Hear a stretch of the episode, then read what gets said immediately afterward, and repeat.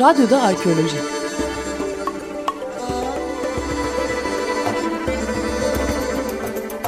Bir arkeoloji programı.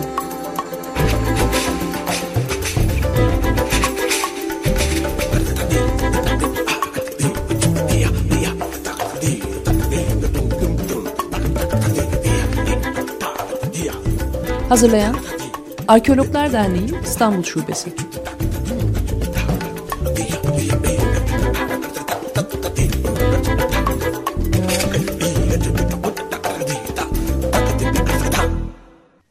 Sevgili Açık Radyo dinleyicileri, bugünkü programımızın konusu İstanbul İli Yüzey Araştırmaları İSTİA projesi. Program konuğumuz İstanbul Üniversitesi Arkeoloji Bölümü Prehistoria Anabilim Dalı'ndan yardımcı doçent doktor Emre Güldoğan. Kendisi İSTİA projesinin e, başkanı aynı zamanda. Hoş geldin Emre. Teşekkürler, hoş bulduk. Biz, bize biraz e, projenin amacı hakkında bilgi verir misin? Memnuniyetle. E, bildiğin üzere İstanbul'da son yıllarda özellikle e, hem kentsel dönüşüm hem ulaşım hem de inşaat faaliyetleri sebebiyle ciddi anlamda arkeolojik faaliyetler, yeni çalışmalar başlatıldı. E, biz de buna e, kayıtsız kalmamak adına bölgede e, yapılan yeni çalışmaların da verdiği yeni bilgilerin ışığı altında İstanbul'da 15 ilçeyi kapsayan bunların 6 tanesi Avrupa'da, 9 e, tanesi Asya yakasında olmak üzere bir e, proje önerisi bulunduk. E, Kültür Bakanlığı'na, Kültür ve Turizm Bakanlığı'na ve 2013 yılı itibariyle de İSTİA projesi senin de bahsettiğin üzere ilk çalışma sezonunu tamamladı. Ee, İstanbul Avrupa yakasında Silivri, e, Büyükçekmece, Beylikdüzü, e, Çatalca, Gazi Osmanpaşa ve Sarıyer ilçelerinde, Asya yakasında ise Kartal, Maltepe, Pendik, Beykoz, Sancaktepe, Şile, Tuzla, Çekmeköy ve Sultanbeyli ilçelerini kapsayan alanlarda bu çalışmaları gerçekleştirmeyi planlamaktayız. Peki e, projenin İstanbul'a kent yaşamına ne gibi bir katkıları olacak sence? Şimdi özellikle son yıllarda e, bildiğin üzere bu yeni kapıyla beraber başlayan bu e, artan arkeolojik faaliyetler İstanbul e, kapsamında daha sonra Küçükçekmece Göl Havzaları kazılarıyla devam etti biliyorsun. E, bölgenin özellikle e, Avrupa yakasında e, daha önceden bildiğimiz bilgilere yeni bilgiler eklendi. Bizim işte İstanbul tarih öncesiyle ilgili özellikle bilgilerimiz çok sınırlıydı. Yarımburgaz mağarasını biliyoruz zaten Avrupa'nın en eski kültürel yerleşimi olan alan. Onun dışında daha önceki dönemlerde yine hocalarımızdan Mehmet Özdoğan e, başkanlığını yaptığı Pendik Fikirtepe çalışmaları var. E, orada gelen bilgilerden sonra birden bir kesintiye uğradığını biliyorduk bölgenin tarih öncesinin. E, fakat bu bahsettiğim projelerde gelen yeni verilerden sonra bu bilgilerin yeni e, verilerle desteklenmesi e, konusunda biz de e, kayıtsız kalmadık ve İstanbul Üniversitesi'nin daha önce bahsettiğimiz bu Küçükçekmece projesinde zaten 2008'den itibaren bir katılımı vardı. Orada hem e, yüzey araştırmalarına hem kazılarına. E, daha sonra Avrupa yakasındaki bu çalışmalara istinaden Asya yakasını da ekleyerek buna e, ve son yıllarda yapılan pendik kazılarını da tabii buna katmamız lazım. E, yeni yeni e, arkeolojik alanların e, varlığı yavaş yavaş ortaya çıkmaya başladı. Yani tabii senin de söylediğin gibi kentsel dönüşüm, inşaat e, İstanbul'da pek çok arkeolojik araştırmaya vesile oluyor son dönemde kentteki bu inşaat çalışmaları. Ama e, şunun da e, görmemiz lazım bir yandan Marmaray gibi projelerde belki işte yeni kapı kazısı gibi verimli sonuçlara ulaşabiliyoruz. İyi projeleri, e, iyi arkeolojik kazılara e, sahne olabiliyor bu projeler. Fakat bir öte yandan da aynı zamanda büyük bir tahribat sürecini de destekliyor. Sizin yüzey araştırmaların sırasında bu tip projelerle çakışan alanlar, tahribatlar söz konusu mu? Şimdi zaten en büyük sorunlardan biri kent arkeolojisi yapan arkeologlar için bu durum. E, bahsettiğin gibi zaten bu yapılaşma diğer faaliyetler e, çalışma alanlarını daraltmakta. Bu sebeple zaten e, bugün İstanbul düşündüğümüz zaman e, batıdaki sınırı biliyorsun işte Tekirdağ Çorlu sınırına kadar geldi. Doğuda da Gebze sınırına kadar yayıldı. Bunların hepsi e, ciddi anlamda plansız yapılaşma diyebiliriz buna. Bir anda işte alanların işgal edilmesi ya da ulaşım faaliyetleri. E, o yüzden İstanbul'un bütünü düşüldüğünde bizim seçtiğimiz alanlar, proje için önerdiğimiz alanlar biraz daha sonuç alabilmeyi umduğumuz alanlar. Özellikle Anadolu yakasındaki Karadeniz kıyı bölgelerinde önümüzdeki yıllarda yapmayı planladığımız çalışmalarda bahsettiğin o işte tahribatın daha az olduğunu düşünerek, daha az olduğunu inanarak daha iyi sonuçlar alacağımızı düşünüyoruz. Bunun dışında daha önceki yıllarda işte İTA projesi daha önceki işte bahsettiğim Kocaeli ile ortak yaptığımız projede Silivri ve çevresinde yaptığımız çalışmalarda e, arkeolojik anlamda literatüre kazandırdığımız yeni yerleşim yerleri olmuştu. Yerleşke alanları işte tümülüsler bir takım mağara yapıları. E, biz özellikle ilk yıl e, Silivri'de çalışmamızın sebeplerinden biri de bu İSTİA projesi olarak bildiğimiz tanıdığımız bir bölge olduğu için bu bölgeyi tam anlamıyla e, bir değerlendirmeye alıp hem ekibimizin yeni bir proje olduğu için bu alanla ilgili ve daha sonraki yapacağımız programlama ile ilgili e, gelişimini tamamlamak hem de elde ettiğimiz sonuçların doğruluğunu sınamak anlamında bu şekilde bir yola girdik. Tabii sadece arazi çalışmaları da yapmıyoruz biz İSTİA projesi çerçevesinde. Buna bağlı olarak iki uygulama alanımız daha var. Sözlü tarih çalışmaları ve coğrafi bilgi sistemleri çalışmaları yapıyoruz. Özellikle coğrafi bilgi sistemleri çalışmalarında e, ileriye dönük olarak bir belgeleme çalışması yaparak senin az önce bahsettiğin bu tahribatın da devamını görmemiz açısından ileriki yıllarda ne e, sürecin e, nasıl işlediğini görmemiz açısından da bir belgeleme yapmayı zaten başladık. Devamda edeceğiz inşallah buna. Peki biz daha önce İstanbul ve kentsel arkeoloji üzerine programımıza konuk aldığımız diğer meslektaşlarımıza da bu soruyu sorduk hep. Kentsel arkeoloji söz konusu olduğunda biraz önce söylediğim gibi üzerinde yaşam süren bir kent olduğu için kırsal alandaki arkeolojik araştırmalardan bazı farklılıkları, avantajları, dezavantajları var. Ee, bunlar neler sizin projenizde karşılaştığınız? Ee, çok doğru söylüyorsun. Avantajlar, dezavantajlar e, masaya yatıldığı zaman e, biz kendimiz e, özellikle e, avantaj anlamında söyleyebileceğimiz şey birebir özellikle insanlarla diyalog halinde olduğumuzda yardımcı oluyorlar bize. Özellikle kendi ilçelerindeki kültürel, tarihsel, arkeolojik değerlerin gösterilmesi açısından. E, açısından. Onun dışında dezavantaj e, en önemli dezavantajımız bir kere ulaşım problemi çok ciddi. Yani konaklama işte bir yerde yerleşip kalma. İstanbul büyük bir kent ve İstanbul'da e, lokal olarak bir yerde uzun süre kalamıyorsunuz. Biz bununla ilgili de özellikle yüzey araştırması projesinde e, iki senedir uyguladığımız bir yöntem var. E, yerel yönetimlerden ciddi anlamda bu konuda destek alıyoruz. E, onların bize gösterdiği alanlarda özellikle konaklıyoruz e, bütün arkeolojik çalışmalarımızın mutfak işi dediğimiz işini orada hallediyoruz. Daha sonra bilimsel verileri değerlendirme aşamasında da daha sonra projemiz bittikten sonraki aşamalarda fakültelerimize döndüğümüzde uzmanlarımızla bu işi yapmaya çalışıyoruz. Bir de tabii yüzey araştırması yapmanın bazı zorlukları var. Şimdi arkeoloji deyince ilk akla gelen çalışma yöntemi kazılar elbet. Fakat aslında kazı kadar e, bizim için önemli bir çalışma biçimi de yüzey araştırmaları. Ama e, yüzey araştırmalarında ne gibi bir zorlukla karşılaşıyorsun? Şimdi yüzey araştırması yapmak e, senin de söylediğin gibi özellikle bu son iki yıl içerisinde epey daha zorlaştı maalesef ki bütün yüzey araştırması yapan bilim insanlarının ortak sorunlarından biri bu e, yeni çıkartılan Kültür ve Turizm Bakanlığı tarafından e, daha doğrusu Kültür Varlıkları ve Müzeler Genel Müdürlüğü tarafından geçen yıl yürürlüğe giren bir yönerge var ve bu yönergeye e, istinaden ne yazık ki envanterlik eserler dışındaki arkeolojik malzemenin toplanma sorunu oluyor. E, bu da doğal olarak arazide özellikle yüzey araştırması yapan bilim insanları için çok ciddi anlamda bir ikilemde bırakma durumunu ortaya koyuyor. Çünkü siz bulduğunuz buluntunun bir kere her şeyden önce hangi döneme tarihlendiğiyle uğraşmak dışında bunun envanterlik mi değil mi olduğunu de değerlendirmek zorunda kalıyorsunuz orada ve bazen yanlış kararlar verebiliyorsunuz da. Ee, bununla ilgili özellikle önümüzdeki yıllarda bu yönergenin biraz daha iyileştirilmesi anlamında bir çalışma yapılmasını kendi adıma da diğer bilim insanları adına da beklemekteyim. Çünkü e, özellikle İstanbul gibi biraz önce de dezavantajlarından bahsettiğimiz büyük kentlerde hızla yok olduğunu düşünürsek arkeolojik dolguların e, zaten bulabildiğimiz sınırlı e, verilerin de ne olursa olsun hani envanterlik, etütlük ayrımı yapılmaksızın korunması gerektiğini düşünüyorum. Ee, gelecek nesillere bir borç olarak görüyorum bunu. Çünkü bizler sonuçta bir bayrak taşıyoruz. Bizden sonraki bu işi yapacak olan diğer bu işe gönül verecek meslektaşlarımızın da e, önümüzdeki yıllardaki çalışmaları için e, en azından bizim yapmış olduğumuz bu veri çalışmalarının doğru bir şekilde bir belgelenmesine ihtiyaçları olduğunu düşünüyorum. Tabii yani özellikle arkeolojik bulgular yani e, mimari olmayanlar dışında çanak çömlek parçaları gibi bulgular bunları yüzey araştırmasında e, rastlayıp da toplamamak anında alanda bunlara ilişkin kayıtlar tutabilmek pek mümkün değil aslında bunların toplanıp e, laboratuvarlarda incelendikten sonra e, niteliğine tanımına dönemine karar verilmesi gerekiyor fakat bu yeni yönetmelikle bunları toplayamıyoruz. E, bize arazide rastladığımız halde anında karar vermemizi bekliyorlar.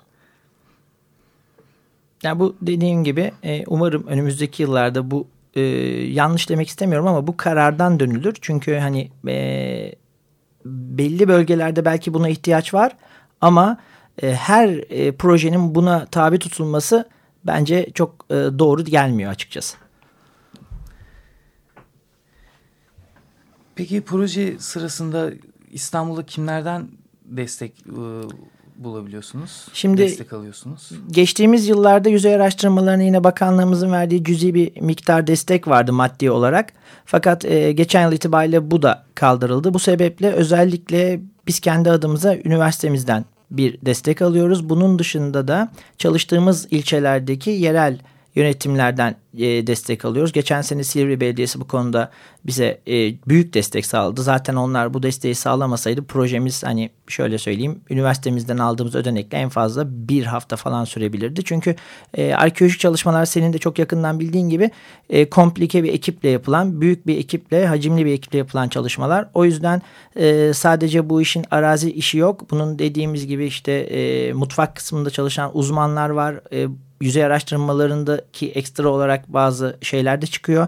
E, bu tarz şeylerde de tabii bunların hepsi para ve bunun da e, sağlanması konusunda bazı projeler sponsor desteği alıyorlar. Biz yeni bir proje olduğumuz için geçen sene bu yöne e, başvuru yapmadık herhangi bir şekilde.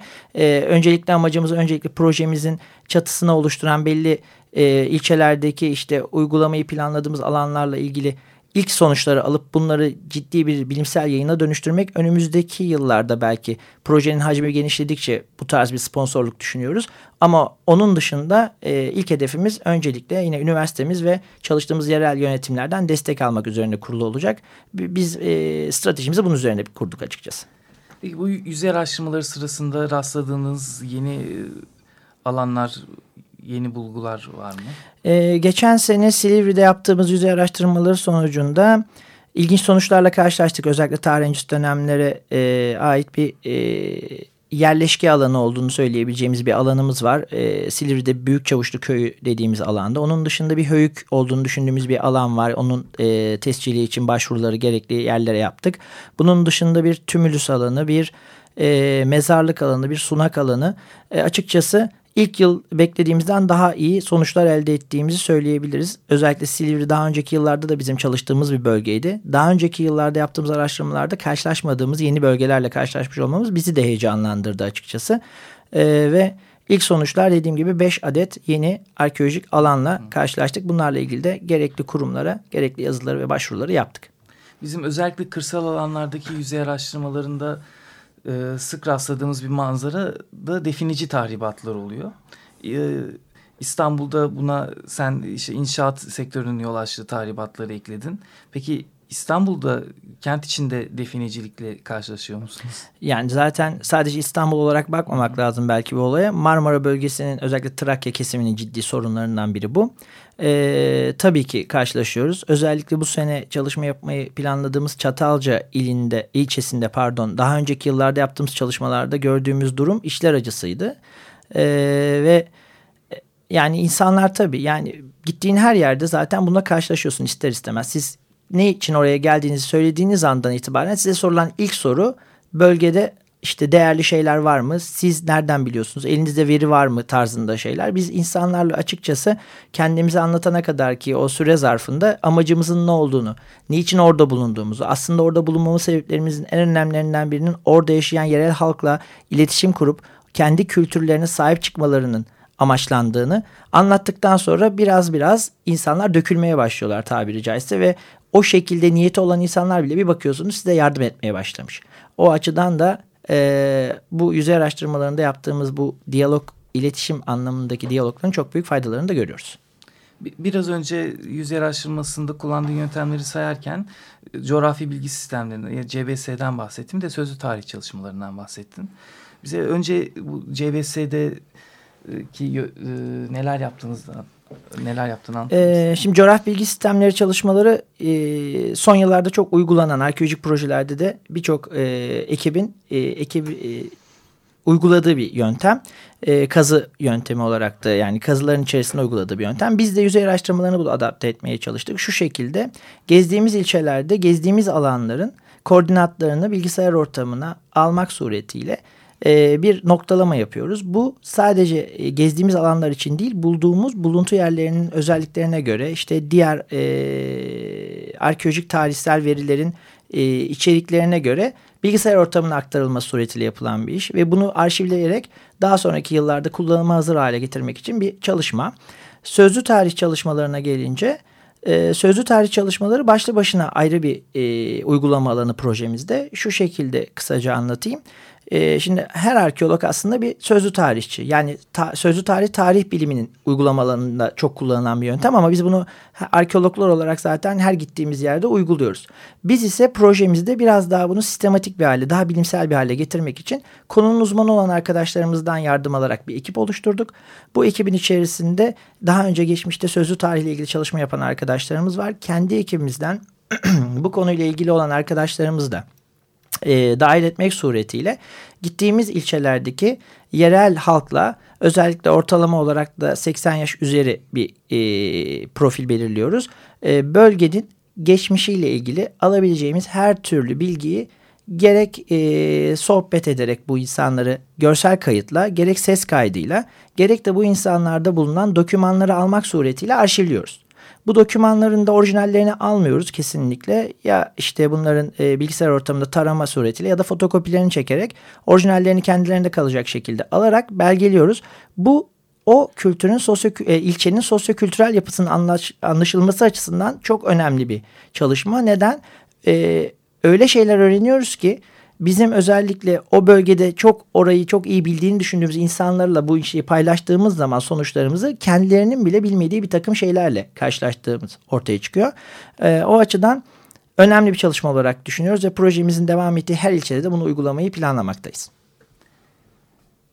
Bu sözlü tarih çalışmalarında rastladığınız e, en ilginç bulgu? Şöyle söyleyeyim, e, Silivri'de bir Sayalar köyüydü yanlış hatırlamıyorsam. 102 yaşında bir ninemiz vardı. Zeynep nine. E, kendisi ilk bu işte mübadeleden sonra göçle buraya yerleştiren ailelerden birinin kızı buraya gelin olarak geliyor. Kendisinin anlattığı hikayeler zaten görsel olarak dediğim gibi belgeledik bunu. O bölgenin, ilçenin bütün gelişim sürecini bize birebir anlattı kendisi ve biz de bunu belgeledik. Ve bu şahıs 102 yaşında biraz önce bahsettiğim gibi. Biz bunu belki yapmasaydık Allah uzun ömür versin ama hakkı rahmetine kavuştuktan sonra bu insan belki bu bilgileri bir daha edinme şansımız yok. Bu açıdan 80 ve üzeri ortalamayı almamızın sebebi de şu. Bölgede en eski yerleşen insanlardan itibaren başlıyoruz. Tabii ki meslek gruplarına göre her meslekten insanla görüşmeye çalışıyoruz. Böyle bir e, profilimiz var. Yani özellikle birilerini seçmiyoruz. Biz görüşme talebinde bulunduğumuz zaman kişilere zaten sözlü tarihle ilgili formlar hazırladık. Bu sözleşmelerimiz var. Bu sözleşmelerimizi imza karşılığında e, görüşüyoruz. Çünkü o forma imza atmayan insanlar daha sonradan e, biz yaptığımız görüşmeleri kaydetsek bile bunların kullanımı ile ilgili problem çıkartabilir diye düşündüğümüzden kişilerle bu tarz bir e, sistemle çalışıyoruz ve onlardan aldığımız bilgileri de dediğim gibi bir arşiv halinde biriktiriyoruz. Bu sözlü tarih çalışmalarında kimi zaman e, görüşme anında doğaçlama sorular soruluyor. Kimi zamansa e, bazı formlarda işte önceden hazırlanmış sorular yöneltiliyor insanlara. E, siz hangisini kullanıyorsunuz? Bizde aslında her ikisi de var. Yani 100 soruluk bir formumuz var bizim. Onun dışında o e, konuştuğumuz kişinin profiline de bağlı biraz. Açıkçası hani e, direkt gidip bir kişi arkeoloji nedir diye sorduğunuz zaman eğer bu konuyla ilgili bilgisi yoksa çok şey alamıyorsunuz. O yüzden konuştuğumuz kişiyle 2-3 tane genel sorunun dışında daha çok doğaçlama yöntemini tercih ediyor arkadaşlarımız ki e, bizim orada amacımız onun anlattığı bilgiler. Ondan ne alabilirsek bizim projemize katkı olarak, değer olarak o önemli bir veri olarak girecek zaten. Ama dediğin gibi hem e, formlu soru e, durumu var hem de doğaçlama her iki yöntemi de uyguluyoruz. Peki o bölgedeki arkeolojik bulgular üzerine mi soru, sorular yöneltiyorsunuz genellikle yoksa e, bölgenin yakın tarihini de belgeleyecek Şimdi, her ikisi de oluyor. Arkeolojiyle ilgili biraz önce dediğim gibi bilgisi olan insanlar zaten direkt söylüyorlar. Burada şu var, burada bu var gibilerinden.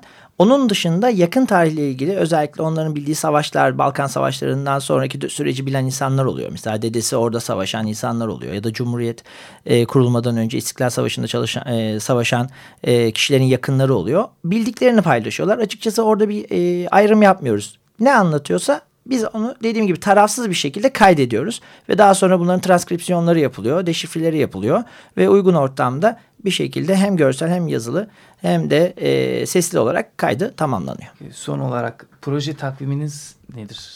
Şimdi 15 ilçe biraz önce bahsettiğim gibi e, bu sene itibariyle yine tek bir ilçe e, projemizde uygulama alanımızda yer alacak. Ama ondan sonraki yıllarda çünkü bizim İstanbul'la ilgili kazı projelerimizde düşüncelerimiz arasında. E, kazı projemiz olsa dahi yüzey araştırması projelerine devam etmek istiyoruz. Çünkü başladığımız bir işi yarım bırakmak bize göre değil ve ekibimiz de zaten hani bu konuda yıllar geçtikçe daha da tecrübeleniyor. Her iki işte birden yapabilecek durumda olacaklar. E, önümüzdeki yıllarda bütün ilçeleri tamamlayana kadar bu projeye devam ettireceğiz inşallah. Sevgili Açık Radyo dinleyicileri, bugünkü konumuz İstanbul İli Yüzey Araştırmaları yani İSTİA projesiydi. Ee, program konumuz yardımcı doçent doktor Emre Güldoğan'a geldiği için teşekkür ediyoruz. Önümüzdeki programda görüşmek üzere. Hoşçakalın. Ben de davet ettiğiniz için teşekkür ediyorum.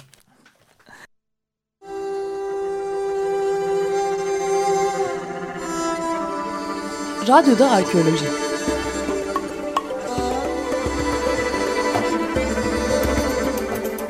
Bir arkeoloji programı.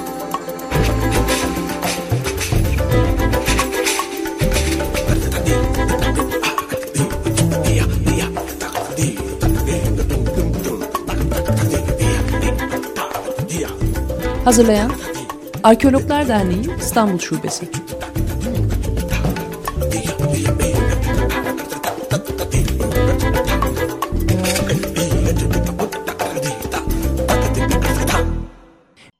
Açık Radyo program destekçisi olun. Bir veya daha fazla programa destek olmak için 212 alan koduyla 343 41 41